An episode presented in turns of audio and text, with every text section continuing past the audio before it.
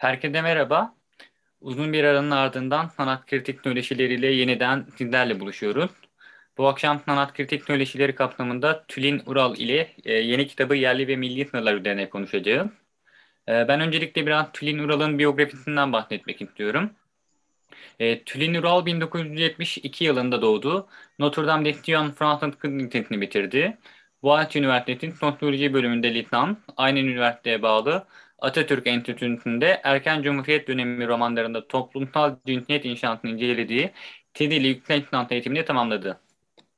E, Mart 2008'de Mimar Sinan Üniversitesi Sosyoloji bölümünde Profesör Doktor Meral Özbek danışmanlığında yazdığı 1930-1939 arasında Türkiye'de Adab-ı Muaşeret, Toplumsal Değişme ve Gündelik Hayatın Dönüşümü adlı tezini savunarak doktor ünvanını aldı. Çeşitli üniversitelerde tarih ve sosyoloji alanında dersler verdi. E, hala Mimar Sinan Güzel Sanatlar Üniversitesi'nde öğretim görevlisidir. E, Yerli ve Milli Sırlar e, kitabı erken Cumhuriyet döneminde e, erken Cumhuriyet döneminden günümüzde modern Türkiye'nin benlik ve kimlik inşaatını, e, meşruiyet kodlarını, kültürel gerilimlerini ve tüm bunları erkeklik ve kadınlık temsilleri, halleri, ilişkileri içerisinde anlamlandırışını romanlar içinden okuyan bir e, deneme. E, kitap bir edebiyat analizi olduğu kadar edebiyat sosyolojisi ya da kültür sosyoloji olarak da değerlendirilebilir. Bu anlamda e, Tülin Hanım'la beraber e, kitap üzerine konuşacağız.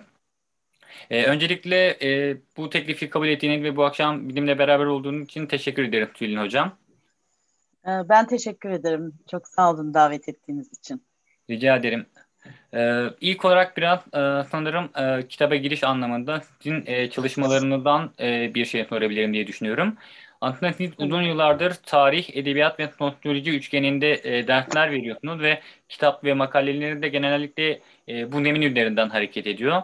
Ben de sizden hem inkılap tarihi dersini almış bir öğrenci olarak hem de edebiyat üzerine okuduğu, e, yazdığınız makaleleri okuyan bir öğrenci olarak bu üç disiplinin sizin üzerindeki e, etkisini ve bu üç disiplini nasıl bir araya getirdiğinizi sormak istiyorum. Aslında hikaye biraz daha e, matrak yani. Şöyle, ben aslında psikoloji girişliyim üniversiteye. Sonra e, sosyolojiye giriş derslerini alınca e, sosyoloji okumalıyım ben diye düşünüp psikolojiyi bırakıp sosyolojiye geçtim. Yani hala da böyle buna şey yapıyorum yani hani psikoloji okusaydım diye. Ee, sonra da sosyolojiyi yani çok zevkle okudum gerçekten. Okuması hakikaten çok zevkli bir bölüm sosyoloji. Ee, ve hani bitirdiğim zaman da dedim ki hani bir sosyolog tarih bilmeden olmaz. Ee, onun için Atatürk Enstitüsü'ne gittim. Ee, yani bir tarihçi olmak amacıyla değil, e, bir sosyolog olarak tarih bilmek amacıyla gittim. E, ama orada da verilen yani eğitim o kadar e, zevkli böyle çok boyutlu e, bir şeydi ki hani e, umduğumdan daha çok içine girdim ve düştüm diyeyim. Sonrasında da işte e, ekmeğimi yani bir tarihçi olarak değil hani tarihçi diyemem kendime yani tarihçi arkadaşlarımın e, arşivlerde verdiği emeği bildikten sonra yani hani ben sadece tarihsel materyal kullanan bir sosyoloğum diyebilirim. E, o yani e, ama yani hani çok bence Atatürk Enstitüsü'nde iyi bir tarih formasyonu aldım ve yani tarih öğreterek ekmeğimi kazandım. E, hep de böyle işte tarih okumaya vesaireye devam ettim. E, edebiyata ilgim de yani aslında dümdüz bir okur olarak e, başladı.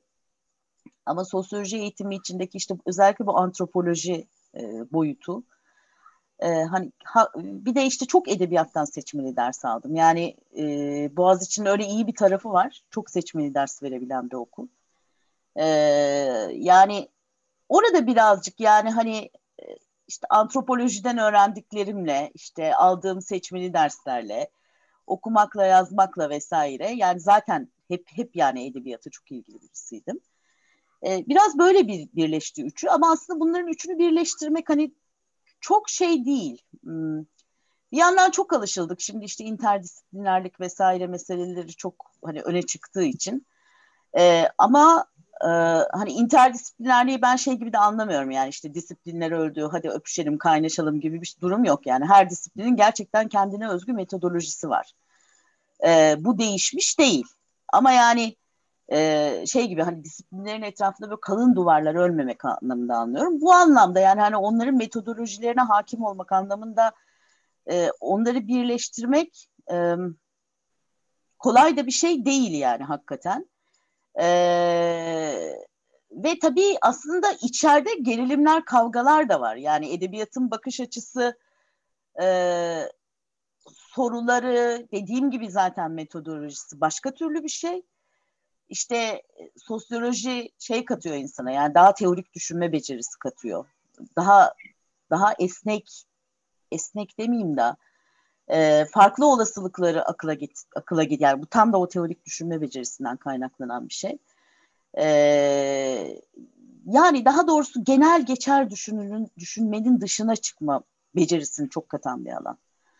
E, o ortak duyusal olanın dışında düşünme. E, biraz ters köşe düşünme falan. Hani okuduğun teorinin de etkisiyle. E, tarihte tabii e, olguya sadakat e, gibi bir şeyi katıyor yani. E, ama tarihçilerle sosyologlar arasında yani hani bitmeyen bir kavga vardır zaten. E, bence gereksiz gereksiz ama yani boş böyle e, nasıl denir e, sebepsiz bir kavgada değil yani. E, işte bunların hepsini yani birazcık hani biraz işte bunların hepsini geride bırakabilmek meselesinde edebiyat katıyor aslında. Yani e, edebiyatın böyle hani insan ruhunun derinine inen e, işte hani tam da öyle işte bilim metodolojiyle e, den ibaret olmayan yani bambaşka bir şeyi var ya e, işte bütün bunları e, yani bazı ayrımları dışarıda bırakabilme e, onları yani yerine oturtarak ama e, aşabilmek yani esne, onlar arasında esnek hareket edebilmek becerisini katıyor. E, böyle ortaya çıktı yani ve her zaman da aslında böyle sorular yani hani edebiyattan soru sormak, edebiyat okurken soru sormayı öğrenmek, sosyoloji okurken soru sormayı öğrenmek, tarihin soru sorma biçimini öğrenmek e, bence zenginlik katıyor. Yani sorular önemli orada. Soru sorularını nasıl formüle ettiğin şey yani nasıl kafanın e, bu anlamda yani şey çal, yani nasıl bir mekanizma içinde düşündüğün. Böyle. Kesinlikle yani ee, özellikle e, işte notoloji arka planinden gelen o eğitimden geçmiş birinin bana tarih dersi vermesi ve ayrıca işte edebiyat üzerine makaleler yazması aslında bu üç farklı disiplinin nasıl iç içe geçebileceğini ve eminim benim gibi işte edebiyat öğrencilerine veya işte tarih öğrencilerine veya sosyoloji öğrencilerine sadece o e, alanın e, sınırlarıyla e, kapalı kalamayacağını göstermesine bakımından bence hem siz hem de eserlerin oldukça önemli bir ilham kaynağı. Yani bunu bence özellikle belirtmek gerekiyor diye düşünüyorum. Ay çok teşekkür ederim. Benim için de bir öğrencimle sohbet yani böyle bir sohbeti eski bir öğrencimle yapıyor olmak yani gerçekten çok güzel Abdullah yani. Sen de her zaman çok iyi bir öğrenciydin zaten. Teşekkür ederim hocam. Ee, belki şunu söylemek lazım ya aslında meseleleri hani o evet o disiplinlerin kendi metodolojileri var vesaire ama hı hı. E, ya problemi önemsemek yani soruyu önemsemekle ilgili. Eğer soruyu önemsiyorsan bence soruyu önemsemek de yani hem biz ya hem bir zihinsel yapılanmayla yani ilgili. İşte zihni egzersiz yapabilmenle ilgili. Hem de ama e, hem de vicdanla ilgili bir şey. Yani derdin varsa soruyu önemsiyorsun. Soruyu önemsersen de işte yok sosyolojikmiş, yok tarihmiş, yok edebiyatmışın ötesinde e, ya bu sorunun peşinden nereden gidersem gideyim diyorsun yani. Asıl bence asıl özü bu aslında yani. Soruyu dert et yani. O soru neyse onu dert etmek. Ama vicdanınla da dert etmek, aklınla değil sadece. Çok doğru hocam. Ee, buradan belki kitabın ön plönüne geçebiliriz. Çünkü kitabın ön plönünde de iki aslında doğrudan ve dolaylı yoldan hocanın dolmuş isimden bahsediyorsunuz. Bunlardan ilki e, Nurdan Gürbilek ve ikincisini Meral Özbek.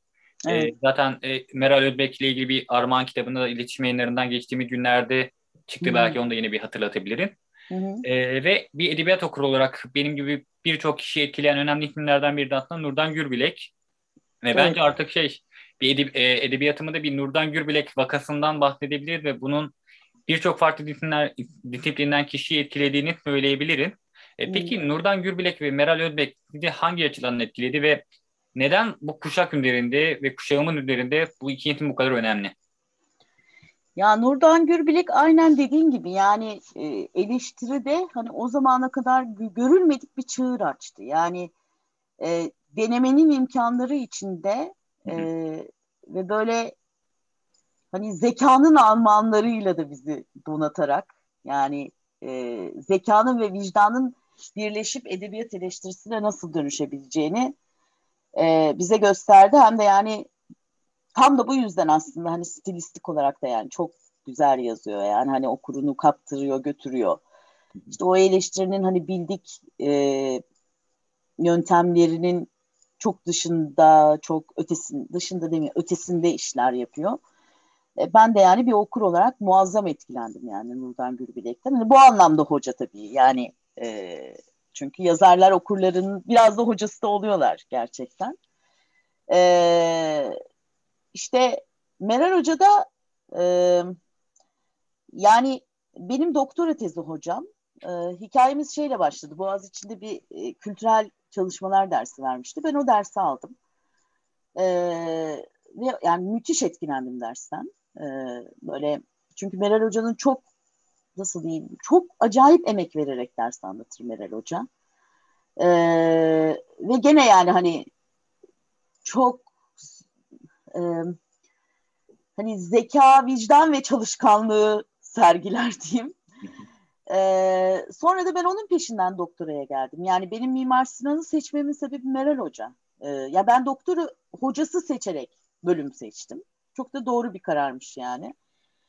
Ee, sonrasında da yani hani doktora tezi sürecinde de yani hem e, ha, yani biraz böyle şeydi hani e, her doktora öğrencisinin hayali olan hoca gibiydi. Çünkü hem böyle insanı çok bunaltmazdı. E, işte şunu yetiş bunu öyle öyle bir hoca değildi yani. Hani senin ritmine, e, tarzına çok saygı duyan ama hem de çok çalışkan. Yani senin kadar çalışan yani. Meral Hoca benim birinci kaynaklarımı okudu yani.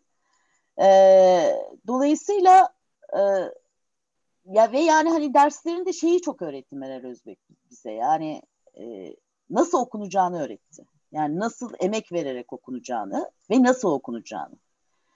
E, bu da tabii hani müthiş bir katkı. E, yani bilimsel metnin nasıl okunacağını, sosyoloji metninin ya da işte tarihle ilişkili de yani çünkü Habermas falan da çalışmıştık.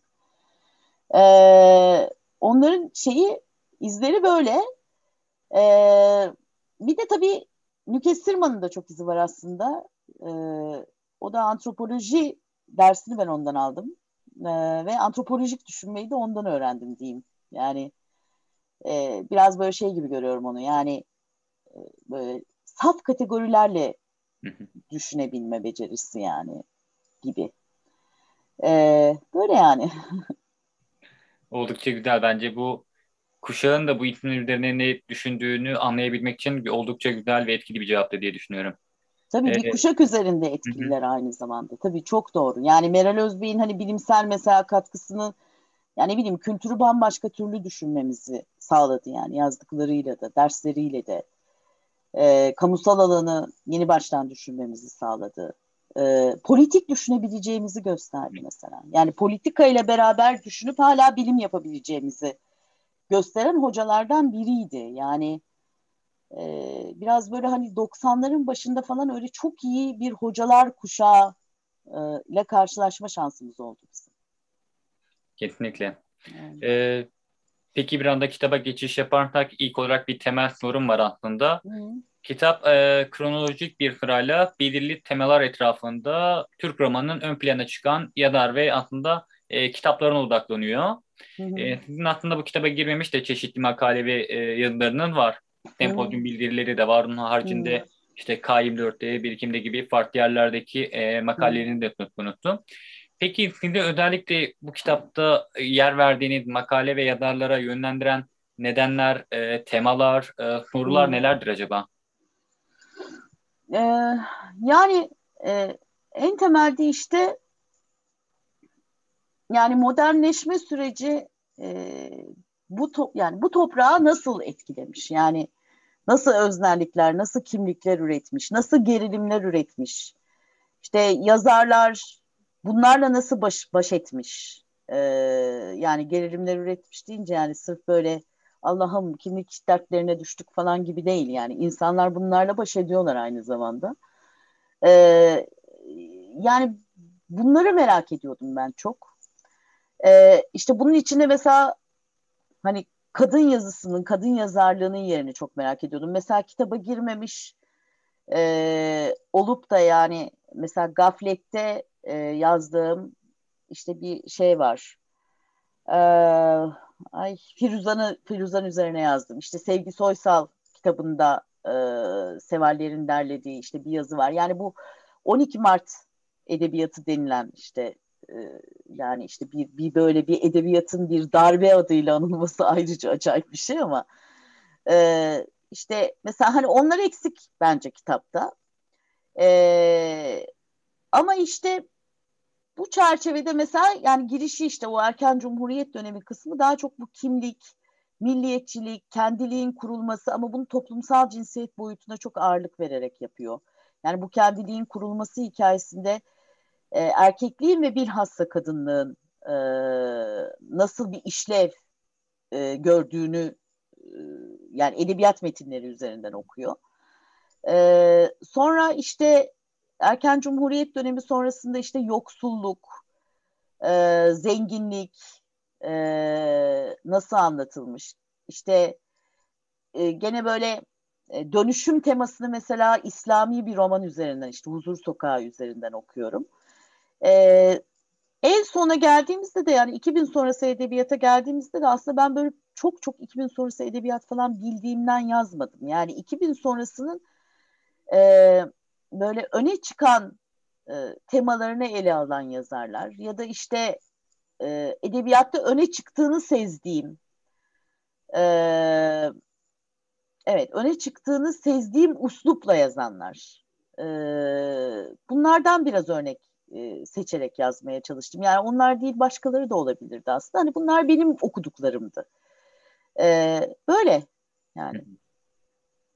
Evet kitabın başlığına gelirsek yerli ve milli sınırlar. Hı hı. Özellikle son yıllarda politik ve siyasal aktörlerin de sık sık kullanmasıyla bir yerlilik millilik tartışmasının başladığından ve bugünlerde de oldukça hareketli olduğundan söz edebiliriz.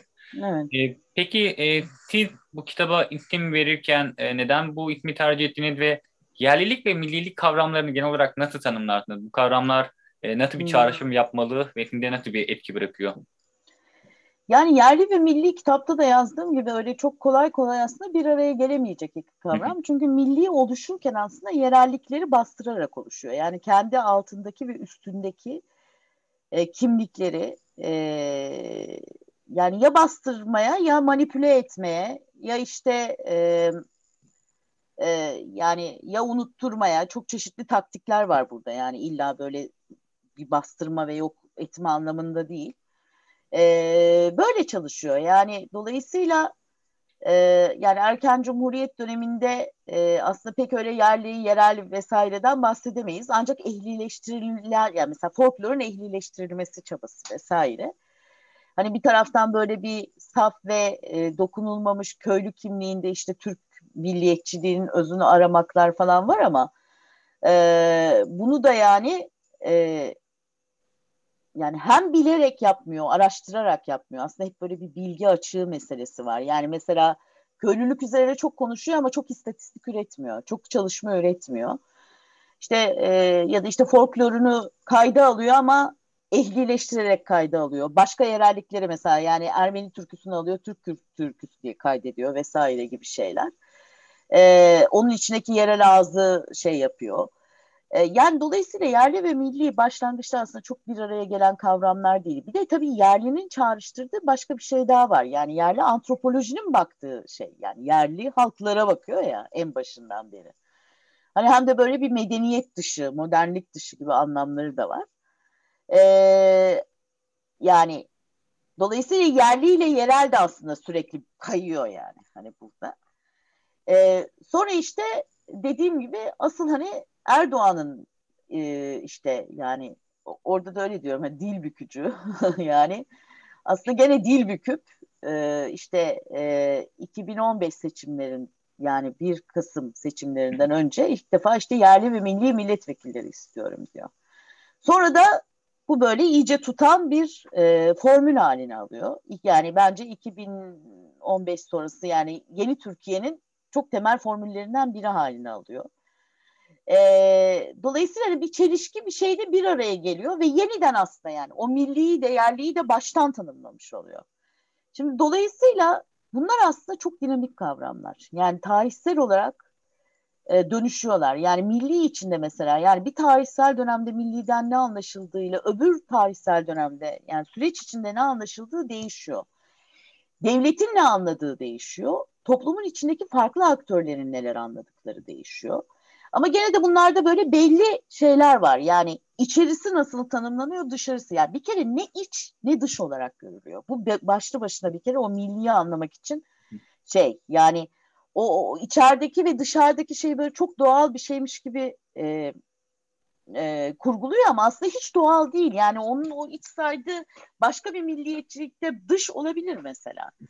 Hani iç olarak ne gözüküyor, dış olarak ne, dışarısı denince ne anlaşılıyor ve e, yani hem bunun içine bakmak yani bu söylemin işte içine böyle belli başlı kategoriyle hangi kategorilerle konuşuyor? Hani modern, geleneksel, iç, dış. Bunların için nasıl dolduruyor hem de bunun dinamizmine bakmak yani nasıl dönüştüğüne bakmak vesaire. Ee, kocaman bir şey yani. Hani ben bunu işte edebiyat üzerinden birazcık bir kısmını, çok küçük bir kısmını yapmaya çalıştım. Yani mesela gene burada görüyoruz ki hani erken cumhuriyet döneminde aslında kadın ve erkek çok önemli bir. Yani modern geleneksel kadın erkek milli ama e, batılı ama milli. Yani yerli ve milli değil de batılı ama milli e, şey. Ama çok böyle e, canlı ve dinamik kavramlar olduğunu görmek önemli. Bir de şunu görmek tabii çok önemli bir dertti benim için. Yani evet hani millinin içindeki şey değişiyor ama bir şey de aynı kalıyor. İşte o içinde aynı kalan şey. Yani böyle işte tarih formasyonun bak mesela kattığı bir şey bu. Hani tarihin çok temel bir sorusu. Yani ne değişir ne aynı kalır. Ben onun yani ne değişir çok daha böyle çekici bir soru ve herkesin hem de biraz daha yok kolay demeyeyim o da zor da. Yani herkesin böyle çok peşine düştüğü bir soru. Ben bunu ne aynı kalır kısmına daha yatkınım. Yani her zaman ben onu daha çok merak ettim. Ee, dolayısıyla hani o milli kimliğe bakarken de edebiyat metinleri aracılığıyla yani önceden sonraya devreden şeyi de çok merak ettim. Sır meselesi ise e, büyük konu. Yani onu işte Nüket Sırman'dan öğrendim mesela ve çok acayip bir şey de öğrendim. İşte bize nitel araştırma dersi veriyordu. Biz nitel araştırma dersinde dedi ki bize gidin bir orta sınıf aile bulun. Bunlarla işte e, şey yapın. Biriyle nitel görüşme yapın. Ama böyle bütün sene boyunca yapıyoruz. Tabii bunu söyledi ve ertesi derste dedi ki kimi buldunuz? İşte herkes soruyor. Bunları niye orta sınıf saydınız diye sordu. Anlatabildim mi? Yani en temel bildiğin kategorinin bile dibini oy diyor. Sonra da işte bunlar yapılırken aile sırları meselesine bizi getirdi. Yani bir aileyi anlamakta aile sırlarının önemi. Şimdi Türkiye'de de böyle çok temel bir e, şeydir ya bu. İşte biz bir aileyiz. E, biz milletçe aileyiz. Biz iş yerinde aileyiz. Biz her şey... Kocaman bir aileyiz. Tabii. Evet. Biz bir kere bunu niye böyle yapıyoruz? Yani biz niye sürekli bir ailenin içinde kalmak istiyoruz? Ee, ikincisi ne anlıyoruz aile deyince yani? Biz bir aileyiz deyince ne anlaşılıyor? Ve aile yani huzur, işte birliktelik falan. Ama aslında ailelerimizin içinde biliyoruz ki yani onun içinde şiddet var, gerilim var, bastırma var, direnme var. Yani e, hiç de öyle birleşik, bütünleşik e, bir şey değil. Hani bunu bilmemize rağmen gene de aileyi böyle kodluyoruz. İşte ve orada işte onun o e, ailenin e, nasıl diyeyim e, şeyine derinliğe inmek için sırlar çok önemli. Yani aile sırlarını anlamak. Bunu Nüket Hoca şeyde de yazdı. E, Modern Türkiye'de siyasi düşünce içinde işte e, kadınların milleti diye bir makalesi var. Onu da öyle bitiriyor. Yani e, Cumhuriyet'in hani üstünü örttüğü bazı sırlar. Evet. Dolayısıyla hani sırlar değişmeden kalan şeyler biraz e, biraz sırlarda sanki yani o yüzden. Yani geçmişten günümüzde sanırım Zaten bu sırlar hala katlanarak devam ediyor ve bir millet olarak bazı şeyleri işte devlet sırrıdır diyerek saklamaya, korumaya ve onları hmm. deşmemeye meyil sanırım ve bu bence üzerine gidilmesi gereken, tartışmaya açılması gereken bir diğer konu nedinde dediğiniz gibi. Evet evet aynen öyle. Sırlar bize çok şey anlatıyor. Neyi evet. sır saydığımız, neyi neyin üstüne konuşmadığımız. Yani edebiyat metinlerinde de yani ne anlattığı kadar ne anlat yani anlatabilecekken ne anlatmadığı çok önemli tabii. Kesinlikle. Bir de aslında biraz da tarih formatlarından da yararlandırarak şunu sormak istiyorum. İşte hmm. bir özellikle İnkılap Tarihi dersinde de şunlardan bahsederiz. İşte Tanzimat Fermanı, Islahat Fermanı, hmm. işte Kanuni e, ikinci bir şirkete giden yolda aslında Osmanlı bu batılılaşma veya işte Niyazi Berkent'in dediği gibi çağdaşlaşma sürecinde birçok şeyi geride bıraktı. Hı hı. Erken dönem Türk romanında da işte bu millilik tartışmaları kadar, milli kültür tartışmaları kadar batılılaşma, çağdaşlaşma ve nasıl batılılaşma, nasıl çağdaşlaşmak gerektiğiyle ilgili birçok şey söylendi. Sizin de aslında kitapta e, milliyetçilik konusuyla beraber bu konuya da değiniyorsunuz. Peki bu yerlilik ve millilik e, tartışmalarının paralelinde batılılaşma tam olarak nerede kalıyor? Hı hı. Ya işte o, çok güzel soru bu. Yani e, milli ile milli ve modern arasında da bir içkin gerilim var. Ben bunu derste de anlatmışımdır evet. mutlaka. Çok anlatırım. ee, yani olmayanlara da işte buradan bir küçük vermiş olabiliriz bence. evet, evet. Yani yerli ve e, millilik ve batılılaş, batılılık arasında da aslında modern arasında da ciddi bir içkin gerilim var aslında. Çünkü hani milli bir an yani milli kendine ait yani hiç kimseye benzemez bir kimlik yaratma arzusu aslında. Aslında bu bir fantezi aynı zamanda. Çünkü hiç kimseye benzemez bir kimlik ve işte öyle bir kimlik olacak ki işte o ulus devletin sınırı neyse işte hepsini birden ça yani çağıracak içine e, ve hepsine bir şey anlatacak. Yani bu bir fantezi aynı zamanda. Ama tutuyor. Yani herkesi içine çağıran yani bu şu demek değil yani işte e, işte böyle bir arzu var ama e, sırf arzu ve fantezi olduğu için tutmuyor değil. Aksine tutuyor yani. Fanteziler e, önemli çekim alanları. E, ama modernlik ise bir başka yani senin müellifi olmadığın başka birisinin yarattığı bir medeniyet çerçevesine dahil olmak istemek demek. Ve bu içkin bir gerilim. Ve yani işte erken cumhuriyet döneminde de e, yani şeyde Osmanlı'nın son dönemlerinde bu tartışma tabii milli adı konmadan yapılıyor. Yani işte e, bize ait bir alan tanımlamaya çalışarak. Erken Cumhuriyet dönemi bunu çok daha keskin bir şekilde yaşıyor. Çünkü milli yani artık milli kimlik yaratılacak. Yani o Osmanlı'da Osmanlı batılılaşmasında bir kendilik arayışı var ama bu böyle çok daha yakıcı bir hal alıyor erken Cumhuriyet döneminde.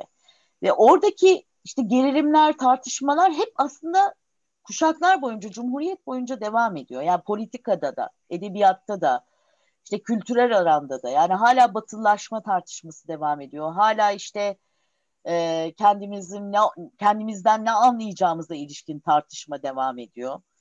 E, ve çok önemli bir şey bu tartışma hala kadınlar üzerinden devam ediyor. Yani kadınlar ne giyecek, ne kadar açılacak, ne kadar kapanacaktan işte aile içindeki rolleri yok annelikleri yani bu tartışmanın içinde kadın e, çok önemli bir yer tutuyor. Çünkü kendiliği temsil ediyor. Yani modernlik karşısında e, işte kaybedilmemesi gereken şey kadın ve bedeni bizzat yani temsil ediyor. Yani onun namusu. Yani batılılaşsak da kadınlarımızın ya kadınlarımızın namusu giderse batılılaşalım ama kadınların namusu korunsun yani o çok önemli bir e, ayraç. Ee, şimdi dolayısıyla bir içkin gerilim var dedim.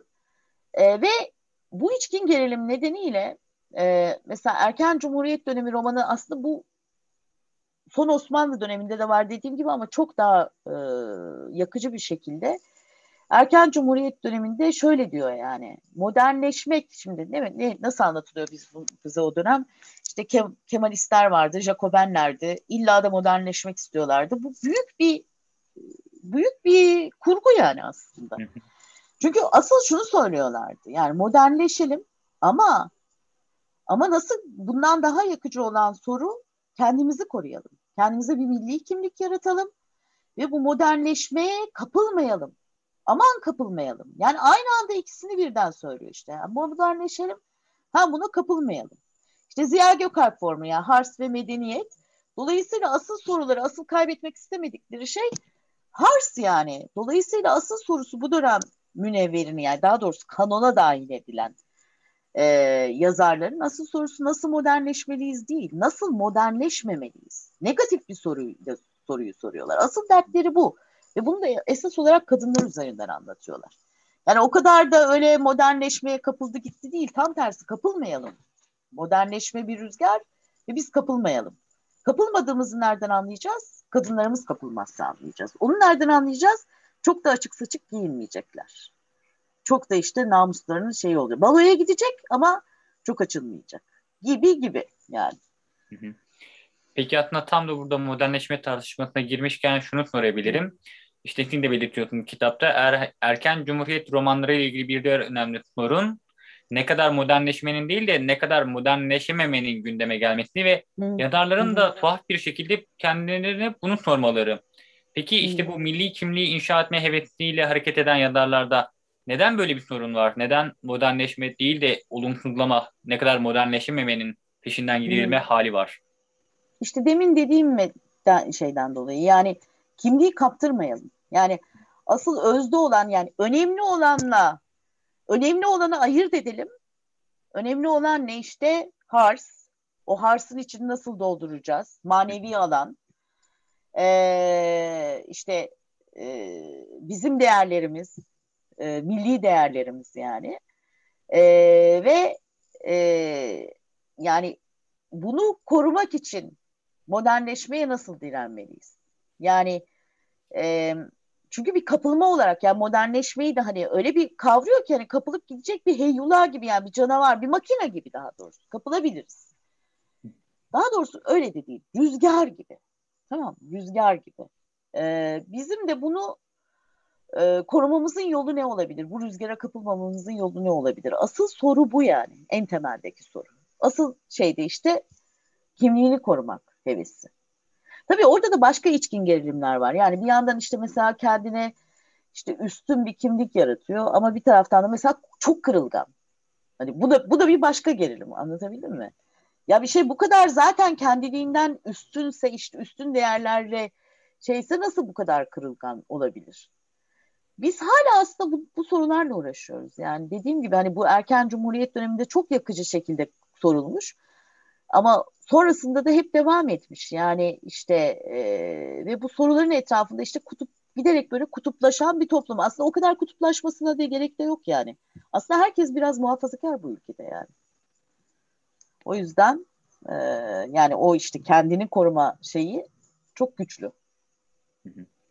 E, peki 2000'lerin dünyada olduğu kadar Türkiye'de de kendine önemli bir yer açtığını ve edebiyatın da bu süreçten doğrudan etkilendiğini söylüyorsunuz. Hmm. Peki 2000'li yılları e, bu kadar farklı kılan, bu kadar ayırt ettiren şey nedir? Tüm bu hmm. kimlik sorunsalının ortaya çıkmasında 2000'lerin etkisi nedir aslında? Ya 2000'lerde olan şey şu oldu. 90'larda işte e, küreselleşmeyle beraber ulus devlet e, yani o soğuk savaş dönemindeki gücünü kaybetmeye başladı. Yani ama hala çok güçlü bir aktör tabii.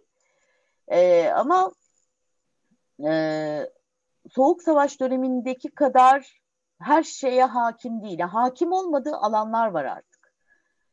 E, tabii işte bu süreçte mesela tam da bu güç kaybını telafi etmek için hani böyle yeni yönetim modelleri vesaire ortaya çıkardı. Yani onu e, Evren Balta çok güzel anlatıyor. Yani eskiden riski yönetmek üzerine kurulurken şimdi riski yaratıyor yani neredeyse ve kendi üzerinden o eski fonksiyonlarını atıyor yani. E, dolayısıyla ulus devlet böyle güç kaybedince daha doğrusu eskisi kadar güçlü olmayınca ve kontrol edemeyeceği alanlar ortaya çıkınca e, bu mesela şey de yani her şeyi dönüştürüyor. Yani başka sesler çıkmaya başlıyor. Kurumlar değişiyor, kurumlar dönüşüyor e, tabii ki şeyin çok büyük etkisi var. Yani sosyal medya vesaire yani internet teknolojisi. Yani artık mesela edebi söz sadece yayın evleri vasıtasıyla e, dolaşıma girmiyor. E, mesela gençlerden böyle çok onların işte edebiyat okudukları çok başka başka kanallar var. E, ve böyle kimlikler dönüşüyor tabii. Yani e, böyle bir yandan mesela bir muhafazakarlaşma varmış gibi görünüyor ama bir taraftan da böyle toplum böyle patlıyor neredeyse. Yani e, muhafazakarlaşma biraz da bunun üstünü örtme çabası aslında. Yani e, neredeyse böyle imkansız böyle bir hani devasa bir dalganın şeyinde. E, edebiyat da bundan tabii etkileniyor. Yani mesela geçmişte işte o Soğuk Savaş döneminin hani klasikleri star şairleri, star yazarları artık kalmadı. Yani e, her şeyde olduğu gibi yani işte ne bileyim müzik alanı, bütün kültürel alan dönüşü. Bir de kültür endüstrileşti tabii yani, endüstrileşti. Hani sanayi nasıl değiştirirse hani kültür hem endüstrileşti hem böyle sanayinin yani o Fordist üretimin değişmesi gibi aynı. Ee, işte kültürde de böyle farklı beğenilere hitap eden işte çok sayıda farklı kanaldan gelen yani böyle bir e, yani patlama gibi yani çoğullaşma bile diyemeyeceğiniz bir patlama. Ha bu her zaman çoğulculuk anlamına mı geliyor bilmiyorum yani. Ee, işte bu edebiyatta da böyle oldu. Yani çok farklı artık kanallar var. O eski star şairlerin, e, yazarların devri bitti. E, yani politik söz artık çok daha az yer kaplıyordu edebiyatta diyeceğim ama 2010'lardan sonra yeniden yani hem sanatta hem edebiyatta biraz daha politik söz yeniden öne çıktı. E, darbenin etkisi tabii Türkiye'de. Yani bu dünyada olup bitenden etkilenmesi. Yani 1980 darbesinin etkisi, etkisi işte solun bastırılması.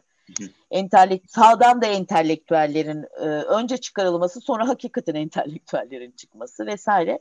Bütün bunları edebi alanında dönüştürdü yani. Yayın evlerinin sermaye birikiminin artışı birçok birçok faktör var yani.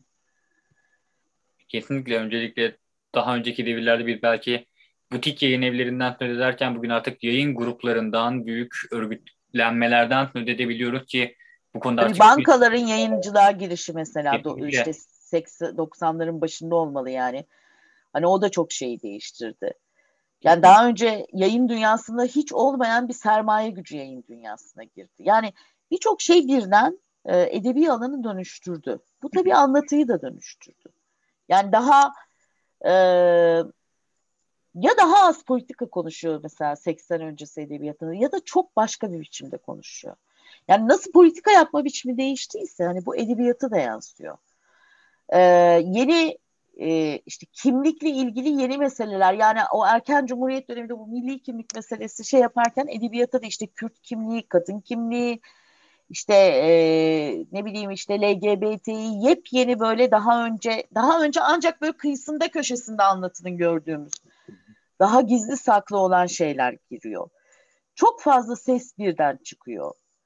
Yani bu bir yandan iyi bir şey tabii farklı seslerin çıkması ama e, bir yandan da işte hani demin dediğim gibi yani bu her zaman çoğulculuk mudur? Yani bilmiyorum farklı sesler çıkıyor ama hep böyle hep benzer tınıda, benzer ritimde çıkıyor sanki. Yani hani bir yandan insan bazen şey gibi düşünüyor ya hep aynı kitabı okuyormuşum gibi geliyor bana yani. yani konular farklı ama e, sanki böyle hani böyle bir moda moda falan rüzgarları da esiyor yani. Hani bir dönem böyle erkek yazarlar böyle şeyi yaptılar ya hani Emrah Serbest de tartışılıyor mesela kitapta işte Emrah Serbest ve benzeri gibi yazanlar yani. Hani erkekler erkeklik ah ne çektik biz hani ergen erkeksiz.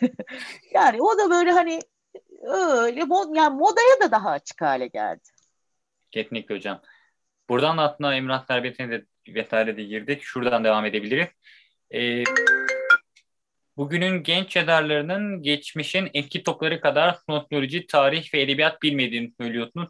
Bu benim için de mesela uzun süre üzerinde düşündüğüm meselelerden birisiydi. İşte özellikle benim aklıma gelen ilk isimler işte Ahmet Mithat Efendi'dir, Kemal Tahir, Tarık Buğra. Hmm. Bunlar mesela aslında bir romanlarıyla tanıyoruz ama hepsinin tarih kitapları, tarih tezleri, gerek işte Osmanlı'nın kuruluşuyla alakalı, batılılaşma ile alakalı düşünceleri var ve yani mesela Tarık Buğra ve Kemal Tahir aslında Osmanlı'nın kuruluş hikayesine bambaşka cephelerden bakan ve bununla ilgili roman üreten iki isim. Bu da aslında onların işte bu ağır topluluğunu çok önemli derecede bir de gösteren şeyler.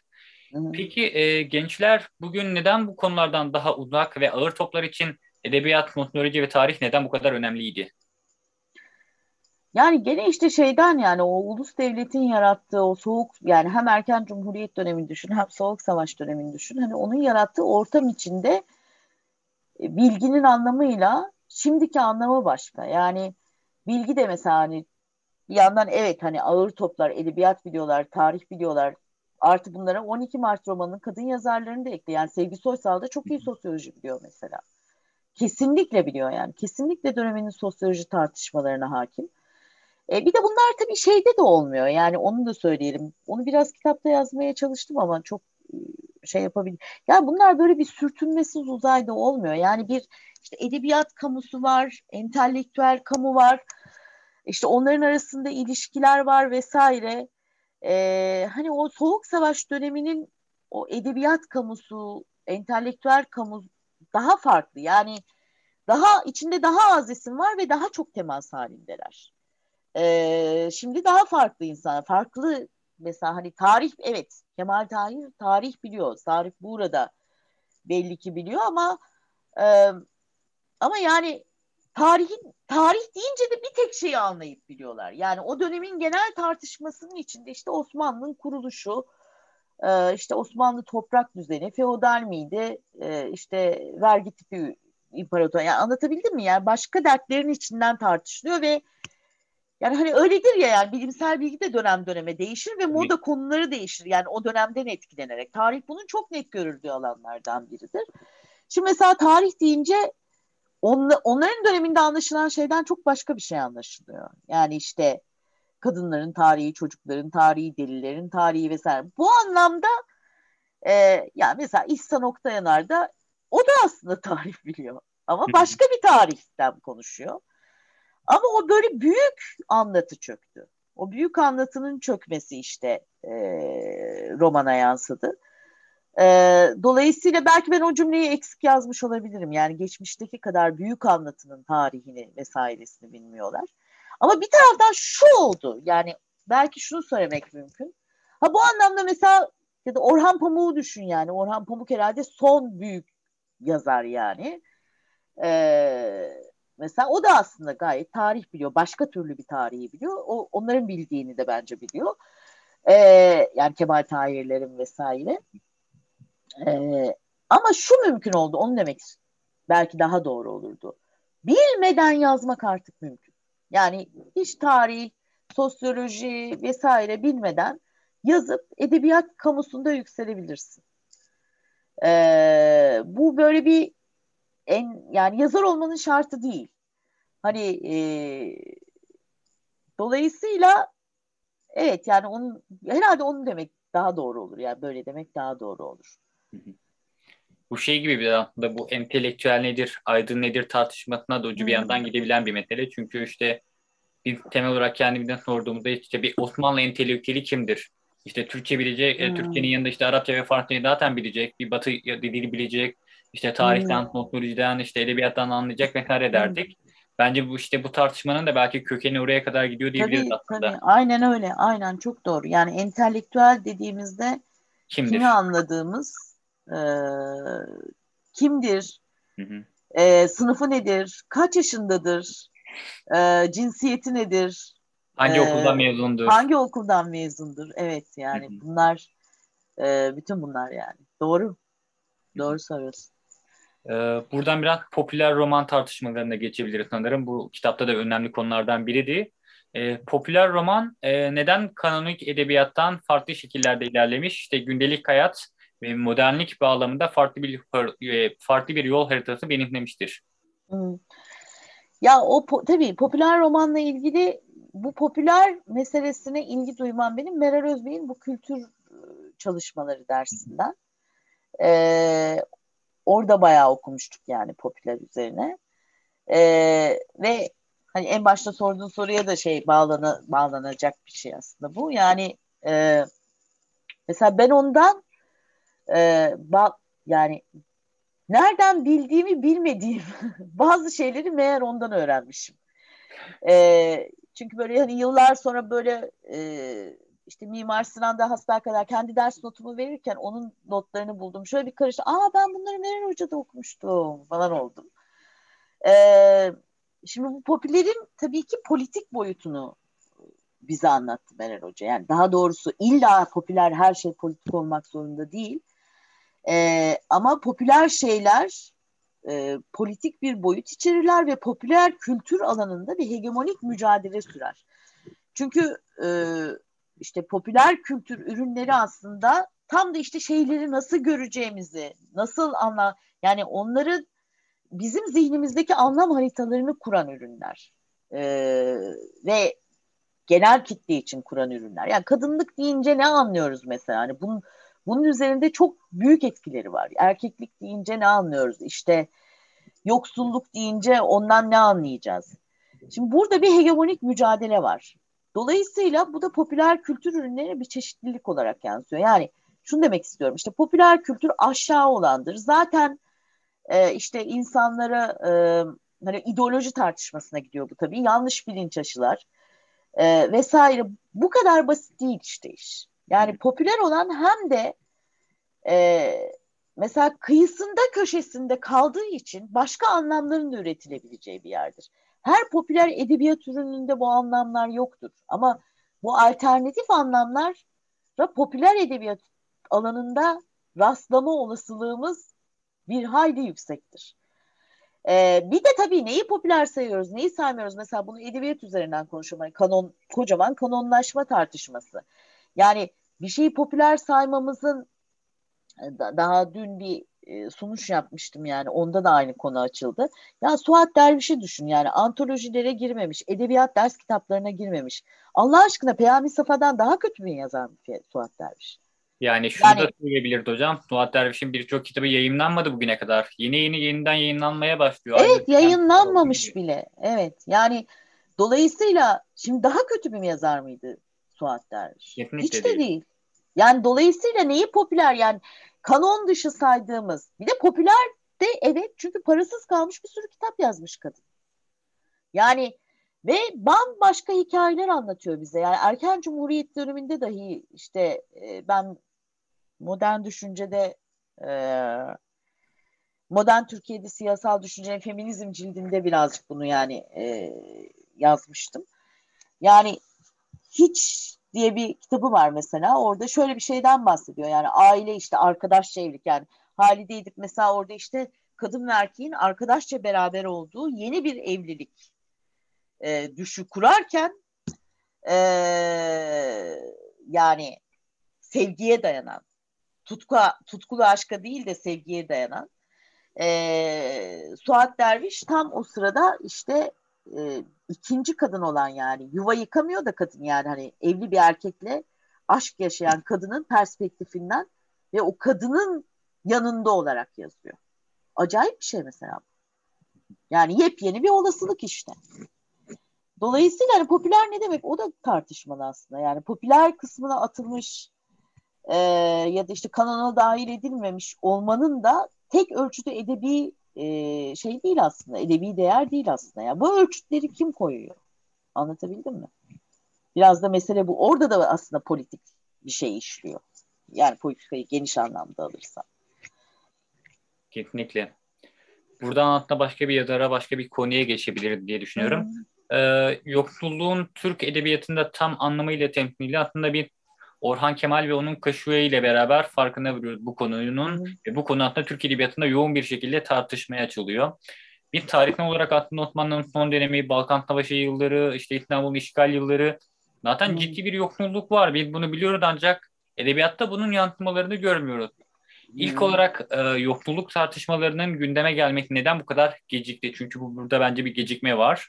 E, hmm. Orhan Kemal ve e, onun çağdaşları, onun kuşağına kadar neden bir bu konuyu hmm. konuşmadık? Bu birinci sorum.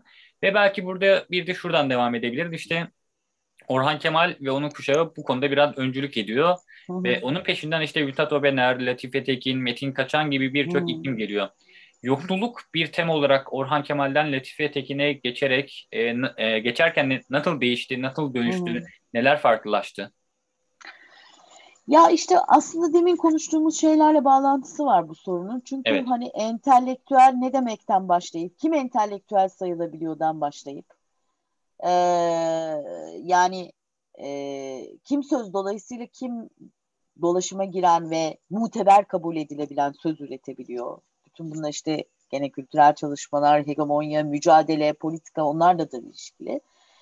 Ee, şeye kadar hani e, ne zaman hangi bilgi dolaşıma giriyor, hangisi muteber kabul ediliyor ya kadar devam ediyor. Yani bilgi saydığımız şey işte tarih tarih saydığımız şey, muteber konu saydığımız şey aslında içinde e, den çıktığı koşullardan etkileniyor. Yani onlar tarihsel zaten. Yani entelektüel tarihsel olarak kurulmuş bir şey, bilgi tarihsel olarak kurulmuş bir şey. İşte ve konuşulmaya değer konularda buna göre değişiyor.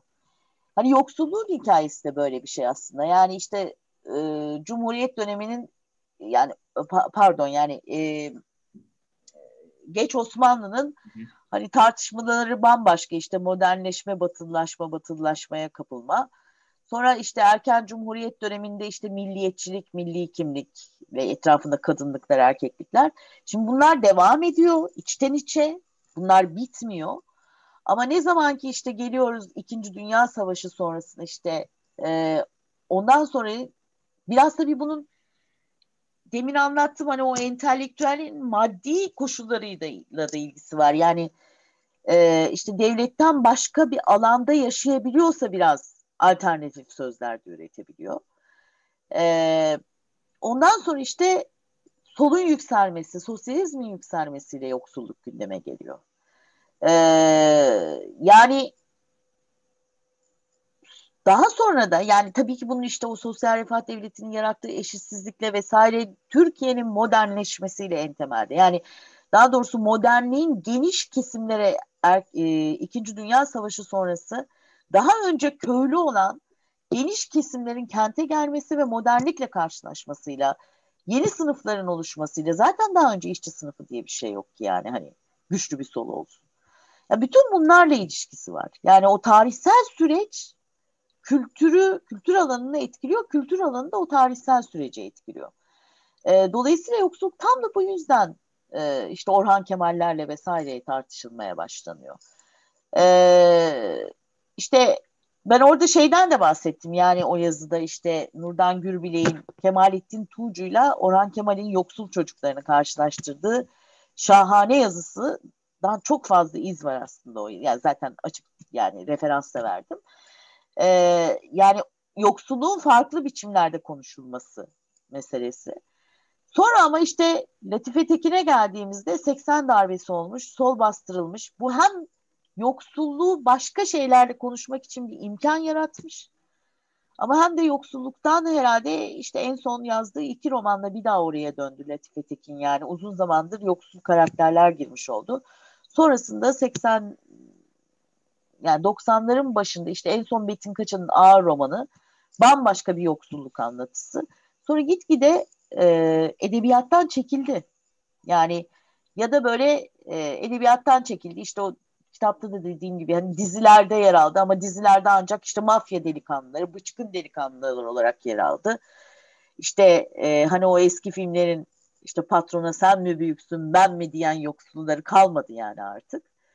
E, ve e, ama bu şu demek değil yani senin dediğin gibi yoksulluk bitmedi yani. Evet yoksulluk dönüştü, değişti ama yoksullar hala her yerde. Biz anlatmıyoruz. Ya da eskisi kadar. Bu neden ama? Yani bu önemli bir soru. Eskisi gibi anlatmıyoruz. Eskisi kadar çok anlatmıyoruz.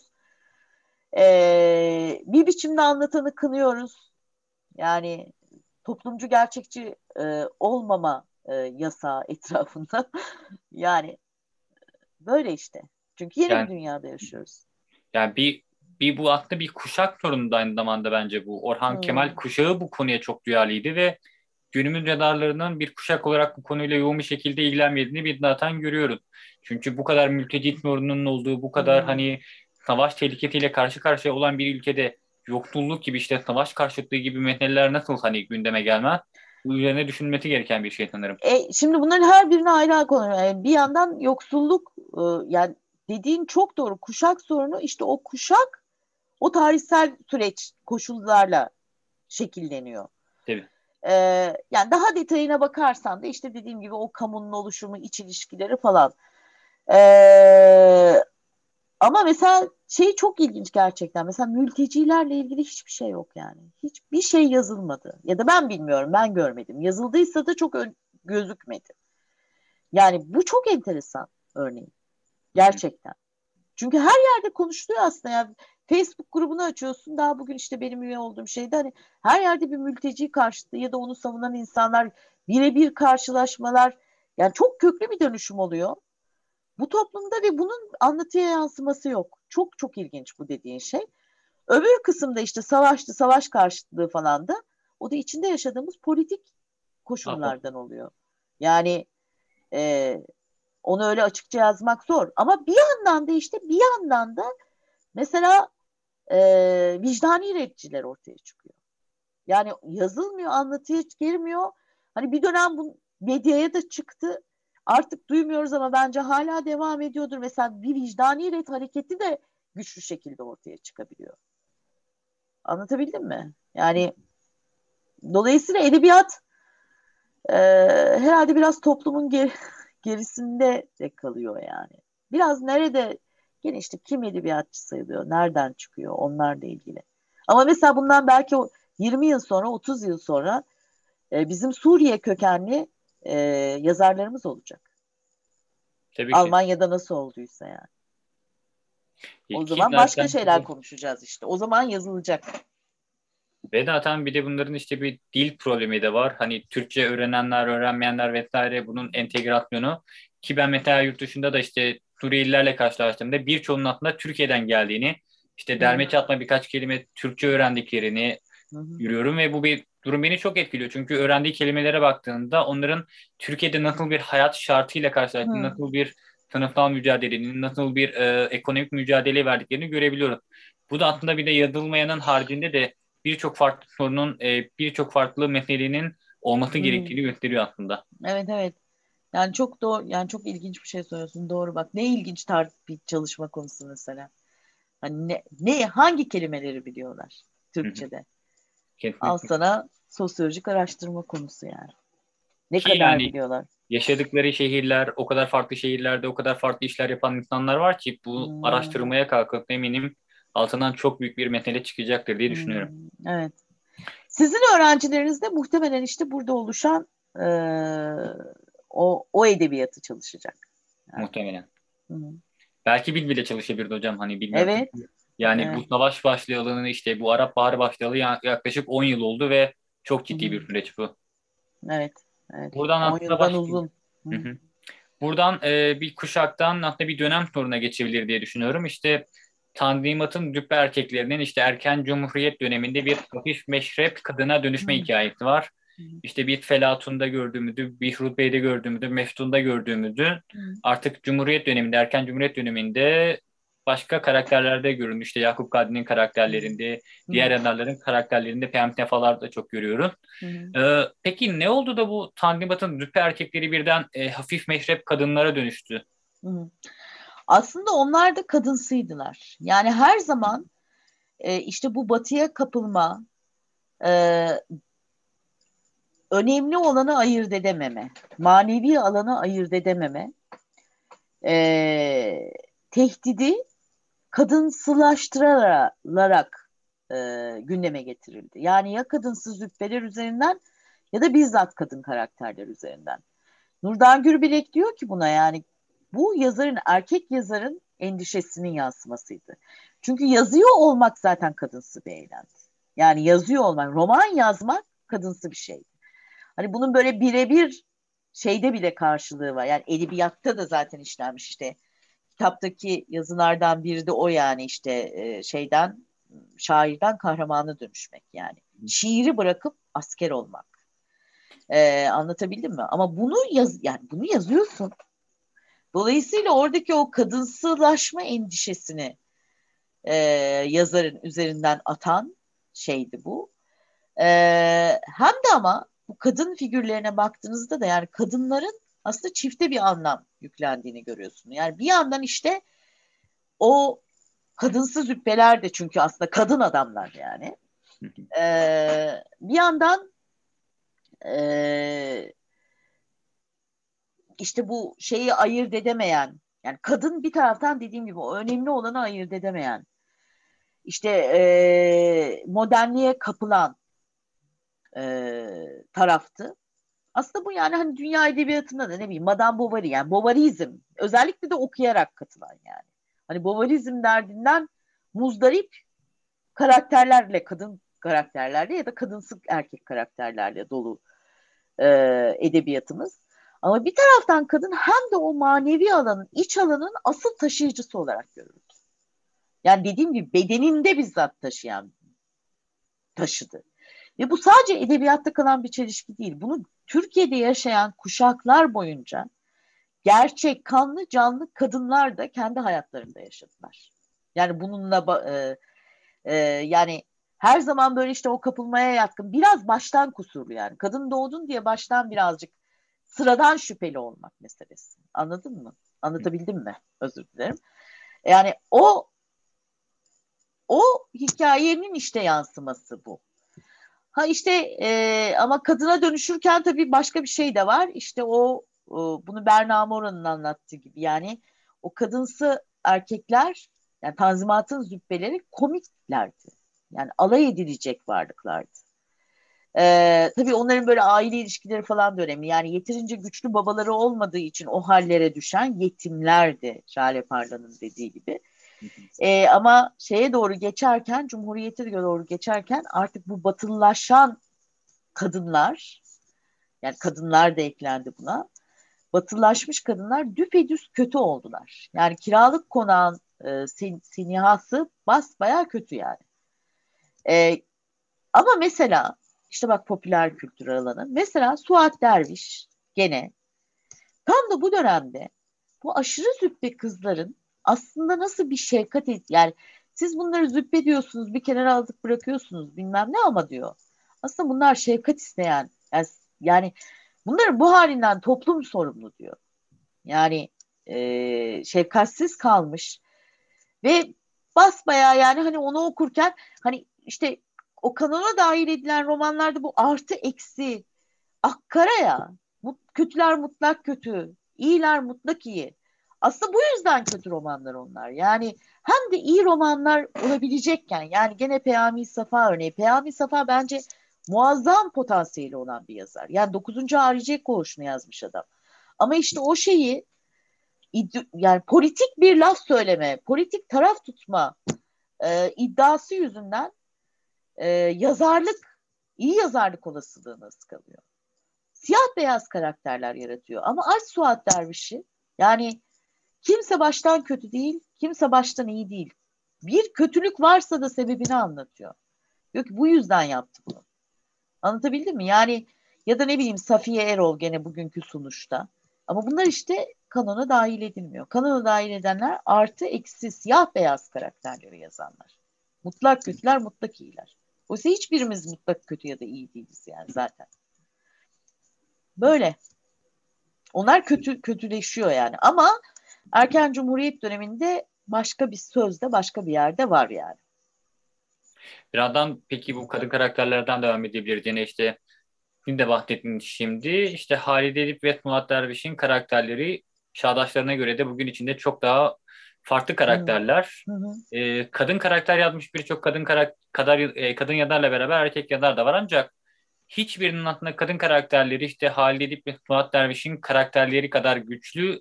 Ve dirayetli değiller. Hı hı. Peki e, Murat Derviş ve Halide Edip'i bu kadar güçlü kadın karakterler yazmaya iten e, temel düşünce, temel amaç nedir? Neden bu kadar işte güçlü or- kadınlar yaratmayı yazmadılar? Bir kere bir kere bence burada hani iyi yazar o yani yazarlığı, yazarlığa sa- sadakat. Neye sadık olacaksın? Edebiyata mı sadık olacaksın? Ee, yoksa seni e, yani o dönem için söyleyeyim hani rejim beğenecek de bir yere getirecek. Yani buna mı sadık olacaksın? Ee, bir kere bu mesele yani. Ee, ve burada mesela kadın yazarlar her zaman hep böyle erkektir cesaretli falan görülen ya yani o öyle kodlanır ya. e, kadın yazarlar çok cesur davranmışlar. Yani Halide Edip de yani muhalif kalmış vesaire. E, yani muhalif erkek yazarlar da var tabii ama e, sonrasında e, yani bir kere bu işte politik açıdan daha cesur olmuşlar yani hani Suat Derviş de yani sosyalist oluyor sonra zaten. E, ikincisi tabii ki yani kadınlar olarak kadınları başka türlü yazacaklardı.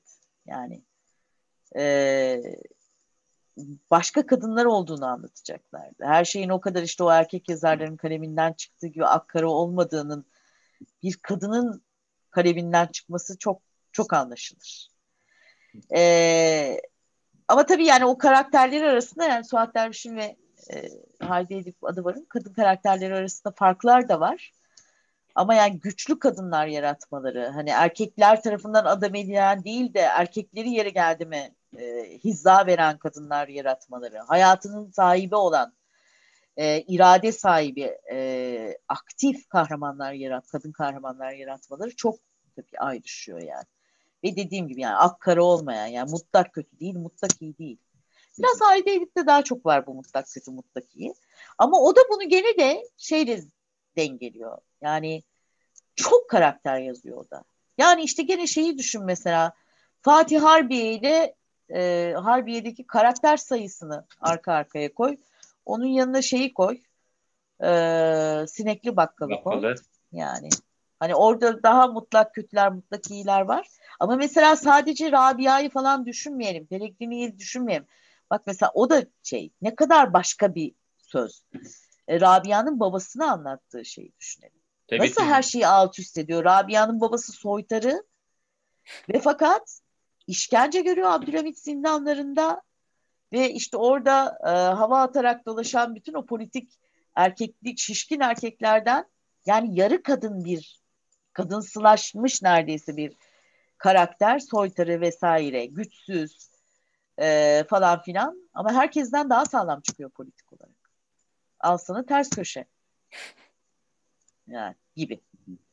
Ya tabii böyle daha kenarda köşede kalan karakterlere bakmak, işte e, karakterler arasındaki ilişkilere bakmak falan hani bunlar çok daha e, yani hani edebiyat eleştirisi alanında çok yapılan bir şey. Yani e, kendi işte bir sava oluyor. Onun orada işte onu güçlendiren karakterleri görüyor sadece. Halbuki yani e, biraz böyle hani kendi sesini kısıp metni yani metnin kendisine şey yaptığında ona yani ona sadık kaldığında bütün karakterlere, bütün ilişkilere baktığında başka şeyler ortaya çıkıyor. Ya, peki Sinekli Bakkal'dan devam edebiliriz. Orada benim hmm. aklımda sormak istediğim e, ilginç bir konu daha var. Hmm. İşte Sinekli Bakkal bir şeyi biliyoruz. Şuna da alışığız aslında işte bir Müslüman erkeğin işte bir. Hristiyanla evlenip onu İslam'a davet etmesi çok alışık olduğumuz bir tablo. Ancak burada hali edip işte o güçlü kadın karakter nasıl yaratılır? Ve o neler yapar bunu farklı bir yerden gösteriyor. İşte Rabia Kur'an okuyan hmm. hafız bir kız olarak işte hmm. bir İtalyan ki yaşça da kendisinden büyük onu İslamiyet'e davet eder ve bunu gerçekleştirir. Ee, hmm. İkinci de e, bence buradan... Adam de... Rabia'nın elini öpüyor ya. Yani ve de isim veriyor. Evet. Yani daha ne olsun karak yani Rabia Pellegrini'ye Osman ismini veriyor. Yani apaçık bir şekilde kimlik veriyor işte. Kesinlikle. Evet. Buradan da aslında işte o milliyetçilik tartışmasına geçebilirim bence. Çünkü bu onunla ilgili bir mesele. Rabia'nın işte İtalyan işini iknamiyete davet etmesini, ona isim vermesini, devamında işte ondan talep ettiği şeyler. E, Halide Edip için, e, çünkü Halide Edip dönem için oldukça ilginç bir fikir, çünkü e, figür. Çünkü işte bir, e, Birinci Dünya Savaşı'nın sırasında yaptığı şeyleri biliyoruz. Halide Edip, Halide onbaşı olma hikayesini biliyoruz. Yani hmm. oldukça devlet yapılanmasının o savaşların içerisinde olan bir figür ve milliyetçilik tartışmalarıyla doğrudan ilgilenen bir isim. Hmm. Bunu evet. Bakkal'da görüyoruz bir. Ee, birincisi işte Halide Edip için e, milliyetçiliğin e, anlamı nedir, karşılığı nedir? E, hmm. Mustafa Kemal'den ve Kemalistlerden farklı olarak bir hmm. e, yurt dışına gidiş hikayesi var. Evet, muhalif oluyor sonra. Evet. evet. İkinci olarak da aslında şu. Sinekli Bakkal İngilizce olarak İngiltere'de yazılmış bir kitap. Bu hmm. bence oldukça e, üzerine durulması gereken bir konu. Çünkü ana dilinde değil ilk olarak bunu İngilizce kalem alıyor. Bu bir. İkincisi, Adı da şey The Clown and His Daughter yani şey e, ada baktığınızda aslında o demin dediğim şimdi sen söyleyince aklıma geldi. Hı. Kıyıda kalan karakter aslında orada şeye başlığa, başlığa taşınmış. Yani. Evet. Ee, ikinci evet. kitapta buradan devam edebiliriz. İşte neden İngilizce yazdığı bir kitapta aslında oryantalist bazı şeyler de var. İşte Rabia'nın Kur'an okuması, işte Mevlüt'e hmm. gitmesi sanki bir şey gibi. O İngilizleri, o Avrupalılara işte Müslüman bir kadın e, hmm. göstermesi, işte kocasının Müslüman olması falan milliyetçilik tartışmalarıyla da ilgilenen bir konu. E, bu kitabı İngilizce yazması milliyetçilik düşüncesini ve milliyetçilik düşüncesini ifade etme biçimini nasıl etkilemiştir Halide Edip'in? Ya bir kere şimdi Halide Edip'in milliyetçiliği bir kere her zaman bence dünya ile konuşmaya daha açık bir milliyetçilik. Tabii bu güçlü kadın karakterlerinde aldığı formasyonun etkisi var. Amerikan Kız Lisesi mezunu. Evet. Ee, yani Üsküdar Amerikan mezunu. Üsküdar Amerikan. Ee, yani o işte Amerikan eğitiminin getirdiği etki de var muhakkak. Ee, yani e, içinde kadınların aktif oldukları bir e, milliyetçilik anlayışı çok daha açık yani. Hani e, tabii Kemalizm de yani hani kadınlar için yani o 80'lerde işte feminizm yükseldikten sonra iki temel konuyla başladı feminizm. Hani bir bu işte sol geçmişiyle yüzleşti o kadınlar. Bir de işte bu erken cumhuriyet dönemi üzerine yani e, hem feminizm hem onunla beraber yükselen kadın çalışmaları çok çalıştı. Hı hı. E, işte dolayısıyla evet hani Kemalizm'de kadın meselesi üzerinde çok önemli yani iddialar zaten bunu edebiyat üzerinden işte biraz anlatmaya çalıştık ama yani kurumsal adımlar da atmış yani yasal adımlar da atmış. Ee, bunu hakikaten e, hakikaten olsun diye bir kadın yani halideydi. Gerçekten e, kadınların aktif rol almasını istiyor. Din anlayışı daha güçlü. Yani dinin toplumun e, oluşumunda çok önemli bir etkisi olduğunu düşünüyor. Ama toplumun mayasında daha doğrusu oluşum demeyelim. Ama mesela din anlayışı da böyle çok klasik bir sünni İslam değil. Yani işte o daha tasavvuf vesaireye kayıyor. Zaten şeylerinde de anlatıyor ya yani o, o Anıların. e, anılarında Mor Salkımlı Evde falan Ortam. da anlatıyor. O da zaten başta İngilizce yazılmış yani. Ee, bir de ben okumadım da yani mesela anılarında İngilizcesiyle Türkçe'ye tercümesi arasında önemli farklar olduğu söyleniyor. Özellikle yani Türk'ün Ateşli imtihanında. Tıpkı ee, Sinekli Bakkal'da olduğu gibi orada da değişen paragraflar, yer almayan paragraflar, eklenen şeyler var. Çok mesela yani çok ilginç şeyler bunlar. Yani mesela ne değişti? O kadar çok şey anlatır ki yani bu Türkiye'deki kamu ya okur kamusunu açarken Neyi dışarıda bıraktı, neyi değiştirdi, acaba niçin yani? E, dolayısıyla evet yani hani kadınların içinde daha aktif olduğu dinin ama çok böyle şey yorumlanan, e, çok böyle ucu açık, canlı bir dinin.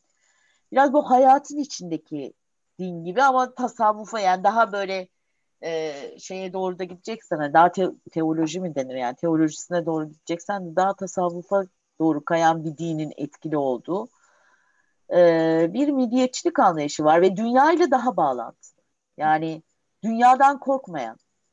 Hmm, batı'ya bakınca yani bunun bütün biraz Kemalistlerin yaşadığı bir şey. Yani orada hem medeniyet hem yani o dönem için söylüyorum. hem medeniyet günümüz Kemalistleri için değil. Hem medeniyet hem şey görüyorlar. E, hem emperyalizm görüyorlar. Yani şimdi tabii bu gerilim başka bir hal almış. Yani gene var da Halide Edip orada daha çok medeniyet görüyor. Daha az emperyalizm görüyor. Zaten mandacı falan da deniyor ya kendisine. Evet. Yani evet başka bir şey. E, başka bir milliyetçilik öneriyor. Peki hocam işte bu milliyetçilik tartışmalarına başka bir yerden bakarsak işte Doğu Batı sentezi birçok yazarda yani adını anamayacağımız kadar çok yazarda işte temel meselelerden birisi işte Doğu ile Batı'yı hep bir birleştirme. Kimintinde Doğu bir an daha ağır batar, kimintinde işte Batı batılılaşma bir an daha ağır batar. Aha. Ama bu tartışma hep devam eder. Aha. Doğu Batı temsil düşünceleri ne söylersiniz? Bu dönemlerinden, kuşak günlerinden ve geçmişten günümüzden. Ya bu çok kocaman bir soru. Yani biraz böyle kitabın çok merkezinde duran bir şey. Evet. Ee, bu soru. Yani işte belki şu kadar yani kısaca yanıtlayayım. Hani batı batıcı diye bilinen işte e, batıya koşulsuz işte teslim oldular vesaire gibi zannedilen e, insanlar e, göründüklerinden zannettiğimizden daha tırnak içinde doğulular. Bir de bu doğu batı denilen şeyler de tabii yani ne demek yani biz ona bir anlam ifade ediyoruz. Yani kendiliğinden bir doğu, kendiliğinden bir batı yok. Yani ne anlaşılıyor? Batı denince ne anlaşılıyor? Teknik mi anlaşılıyor? İlişkiler mi anlaşılıyor? Ne anlaşılıyor? Doğu denince ne anlaşılıyor? Ee, ama her zaman mesela bütün şeyde bu kadın erkek ilişkisi meselesi hep tartışılıyor yani. Hani orada bir turnasol kağıdı gibi doğunun ne olduğu, batının ne olduğu meselesinde. Yani farklı anlamlar yük, yüklenebilir ama hep bu tartışılıyor. Ee, bir kere o var yani hani doğu batı hani ben böyle zınk diye girdim ama doğu şey batı bilmem ne ama aslında tam da mesele bu yani. Doğu denince ne anlıyoruz batı deyince ne anlıyoruz?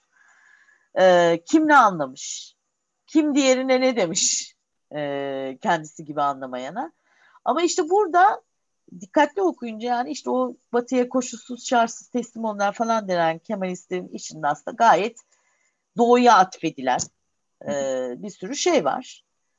E, bence e, kendisini işte doğuda gören, gelenekte gören vesaire muhafazakar gören bir sürü insanda da e, işte bizim batı diye etiketlediğimizden izler var. Yani o kadar öyle zannettiğimizde akkara değil yani. Hani nasıl kitaplarda akkara değil gri alanlar e, çeşitlilikler falan daha çok hayata yaklaşıyorsa e, biraz herhalde bu, bu da böyle yani. Yani iyi kitap aslında bunun böyle nasıl geçişken olduğunu, e, nasıl mutlak olmadığını e, görebilen yerden yazılıyor bana kalırsa. Burada ben aslında dinleyicilerimiz için küçük bir duyuru yapayım. Şimdi ben son soruma geçeceğim ve Hı. dinleyicilerden de e, Tülin Hoca'ya soru sormak isteyenler varsa e, chat bölümüne yazabilirler veya doğrudan bağlanarak e, sorularını bir de iletebilirler. Hı hı. E, ben şunu sorarak bitireyim hocam. Hı hı. Modern edebiyat gündeliğe neden takıntılıdır? Tanpınar işte Hudur'da bu gündelik yaşam hikayetini neden e, özellikle savaş yılları üzerinden ifade etmiştir? Bu konu üzerine ne söylersiniz son olarak? Ya çünkü gündelik denilen kategoriyi zaten modernlik icat etti. Yani e, daha önce e, yani gündelik olan ve olmayanı modern öncesi dönemde ayırt, ayırt etmiyorduk yani. Hani yeni bir gündelik yarattı. Çok daha yakıcı sorunlarla dolu, çok daha derin çelişkilerle dolu. E, ve bunun anlatısını da o yarattı roman. Roman zaten mesela kendisinden önceki modern öncesi başat anlatı biçimlerinden ayırt eden şey nedir? Gündeliği konu edinebilmesidir. Sıradan insanları yani bu birdenbire olmuyor tabii aşama aşama oluyor. Ama yani hep gidişatı önce sıradan insanın olağanüstü hikayelerine bakar. Sonra da sıradan insanın olağan hikayelerine bakar. Yani ama her zaman e, kendinden önceki anlatım biçimlerinden farklı olarak olağana, gündeliğe doğru gider. E, dolayısıyla yani zaten gündelik hayat diye bir şey. Yani geçmişte işte böyle olağan ve olağanüstü zaten o kadar iç içe ki yani modern öncesi dönemde. E, onun içinden gündeliği ayırt etmek de zor. E, ama modern dünya dediğim gibi çelişkilerle yüklü, eşitsizliklerle yüklü, aslında olağanüstü şeylerle yüklü bir bir gündelik yarattı. Ve bu da edebiyatın asıl konusu oldu. Romanın asıl konusu oldu. Yani roman denilen anlatı biçimini ayırt eden şey buydu. E, dolayısıyla ilişki en temelde böyle bir şey. Ama tabii bu hani nasıl ele alınıyor dönemden döneme bu tabii çok değişken bir şey. Yani gündeliği nasıl anlatıyor? Yani rutin bir şey olarak mı anlatıyorsun? Kimin gündeliğini anlatıyorsun? Yani bu dönemden döneme değişebilir. Ama gündelik olan her zaman romanın ana malzemesi oldu. Modern roman. Çok teşekkürler hocam. Ben ee, çok teşekkür var. ederim. Tabii. Ee, benim de aslında konuşmak istediğim ancak biraz vakitten dolayı ön planda çıkaramadığım metnelerden birisiydi. Gülsema Hanım sormuş. Ee, kitabınızda Hidayet roman örneği olarak Huzur Sokağı'nı irdelemiştiniz. Ee, günümüzde İslami çevreden Hidayet romanına bu derece popüler olmuş roman örneği var mı? Varsa da Hidayet romanlarında ne kadar karşılık bulabilir günümüzde? Ee, Gülsema benim arkadaşım aslında sağ olsun hani siz diye sormuş. Ee, ya bugün yok işte Hidayet romanı. Yani e, yani aslında İslami romanların şu andaki biçimini çok ben bilmiyorum yani takip etmedim. Ee, ama bildiğim kadarıyla yok diyeyim. Ee, başka başka biçimler var. Yani kendini İslam İslami kimlikle tanımlayan iyi romancılar da olduğunu biliyorum. Ama hani ben takip etmiyorum. Dolayısıyla biraz belki hani cevaplayamayacağım bir soru bu ama e, ama yani bence çok iyi bir soru. Yani mesela işte bir tane daha şey yani bunun üzerine de yazılabilir. Yani bu işte İslami roman nasıl dönüştü? Çünkü o kimliğin dönüşümünü de anlatacak. İçinden muhalif sesler çıkardı mı? Mesela bu da hiç bilmediğimiz şeyler. Yani vardır belki çalışmalar ben bilmiyor olabilirim. Yani şey yapmayayım ama e, ama yani hani çok çok üzerine düşünülebilecek bir, bir ya da yoksa neden yok yani. Çok üstüne düşünülmesiye değer bir soru bence. Ben o zaman hemen ufak bir ilave yapayım kendi nurlarından hocam. Peki işte İslami roman örneği olarak huzur sokağında dönüşüm neden bir canavar olarak görülür? Ee, yani dönüşüm her zaman çok şey, çok önemli bir tema yani romanda. Hani bizimkisi gibi özellikle büyük dönüşüm geçiren toplumların anlatılarında. Ee, yani canavar olarak şöyle yani bir canavar gibi anlatılır. Yani çok hızlı, e, çok böyle keskin bir dönüşle olur o hidayet. Yazıda da biraz bunu vurgulamaya çalışmıştım. Yani o batıdaki o oluşum romanının yani yetişkinleşme, işte maceralardan geçme, riskler alma, acılar, yaralar çekme ama sonunda e, yetişkinleşme hikayesinden köklü bir biçimde farklı bizde anlatı. Yani e, işte yani bunun işte son roman versiyonları da var ama yani aralarında tabii önemli farklar da var ama e, daha böyle daha şematik hani daha şey böyle propagandist son romanda da benzeri şeyler var. E, ama böyle yani çok ani, çok keskin. Yani e, ve her şeyi değiştirecek şekilde. Yani biraz karikatürize şekilde gerçekleşen dönüşümlerle karşılaşıyoruz. Yani canavar derken belki e, heyula gibi bir e, şey ama hem de edebiyatımızın hayaleti hep geride duruyor yani. Şu an benim görebildiğim kadarıyla başka bir soru yok hocam. Sanırım söyleşiyi burada tamamlayabiliriz. Öncelikle bir öğrencinin ve okurun olarak bu akşam bizimle beraber olduğunuz ve sorularımızı cevapladığınız için çok teşekkür ederim. Hı hı. Ee, son eklemek istediğiniz bir şey varsa burada bitirebiliriz. Ee, yok Abdullah'cığım yani çok teş ben teşekkür ederim. Çok güzel sorulardı. Ee, yani kitabı e, yani hakikaten e, emek vererek okumuşsun. Çok sağ ol. Böyle okunduğunu bilmek çok e, güzel. E, ben teşekkür ederim. Benim için keyifli bir sohbetti. Rica ederim hocam. O zaman herkese iyi akşamlar. Çok teşekkürler. İyi akşamlar. Görüşmek üzere.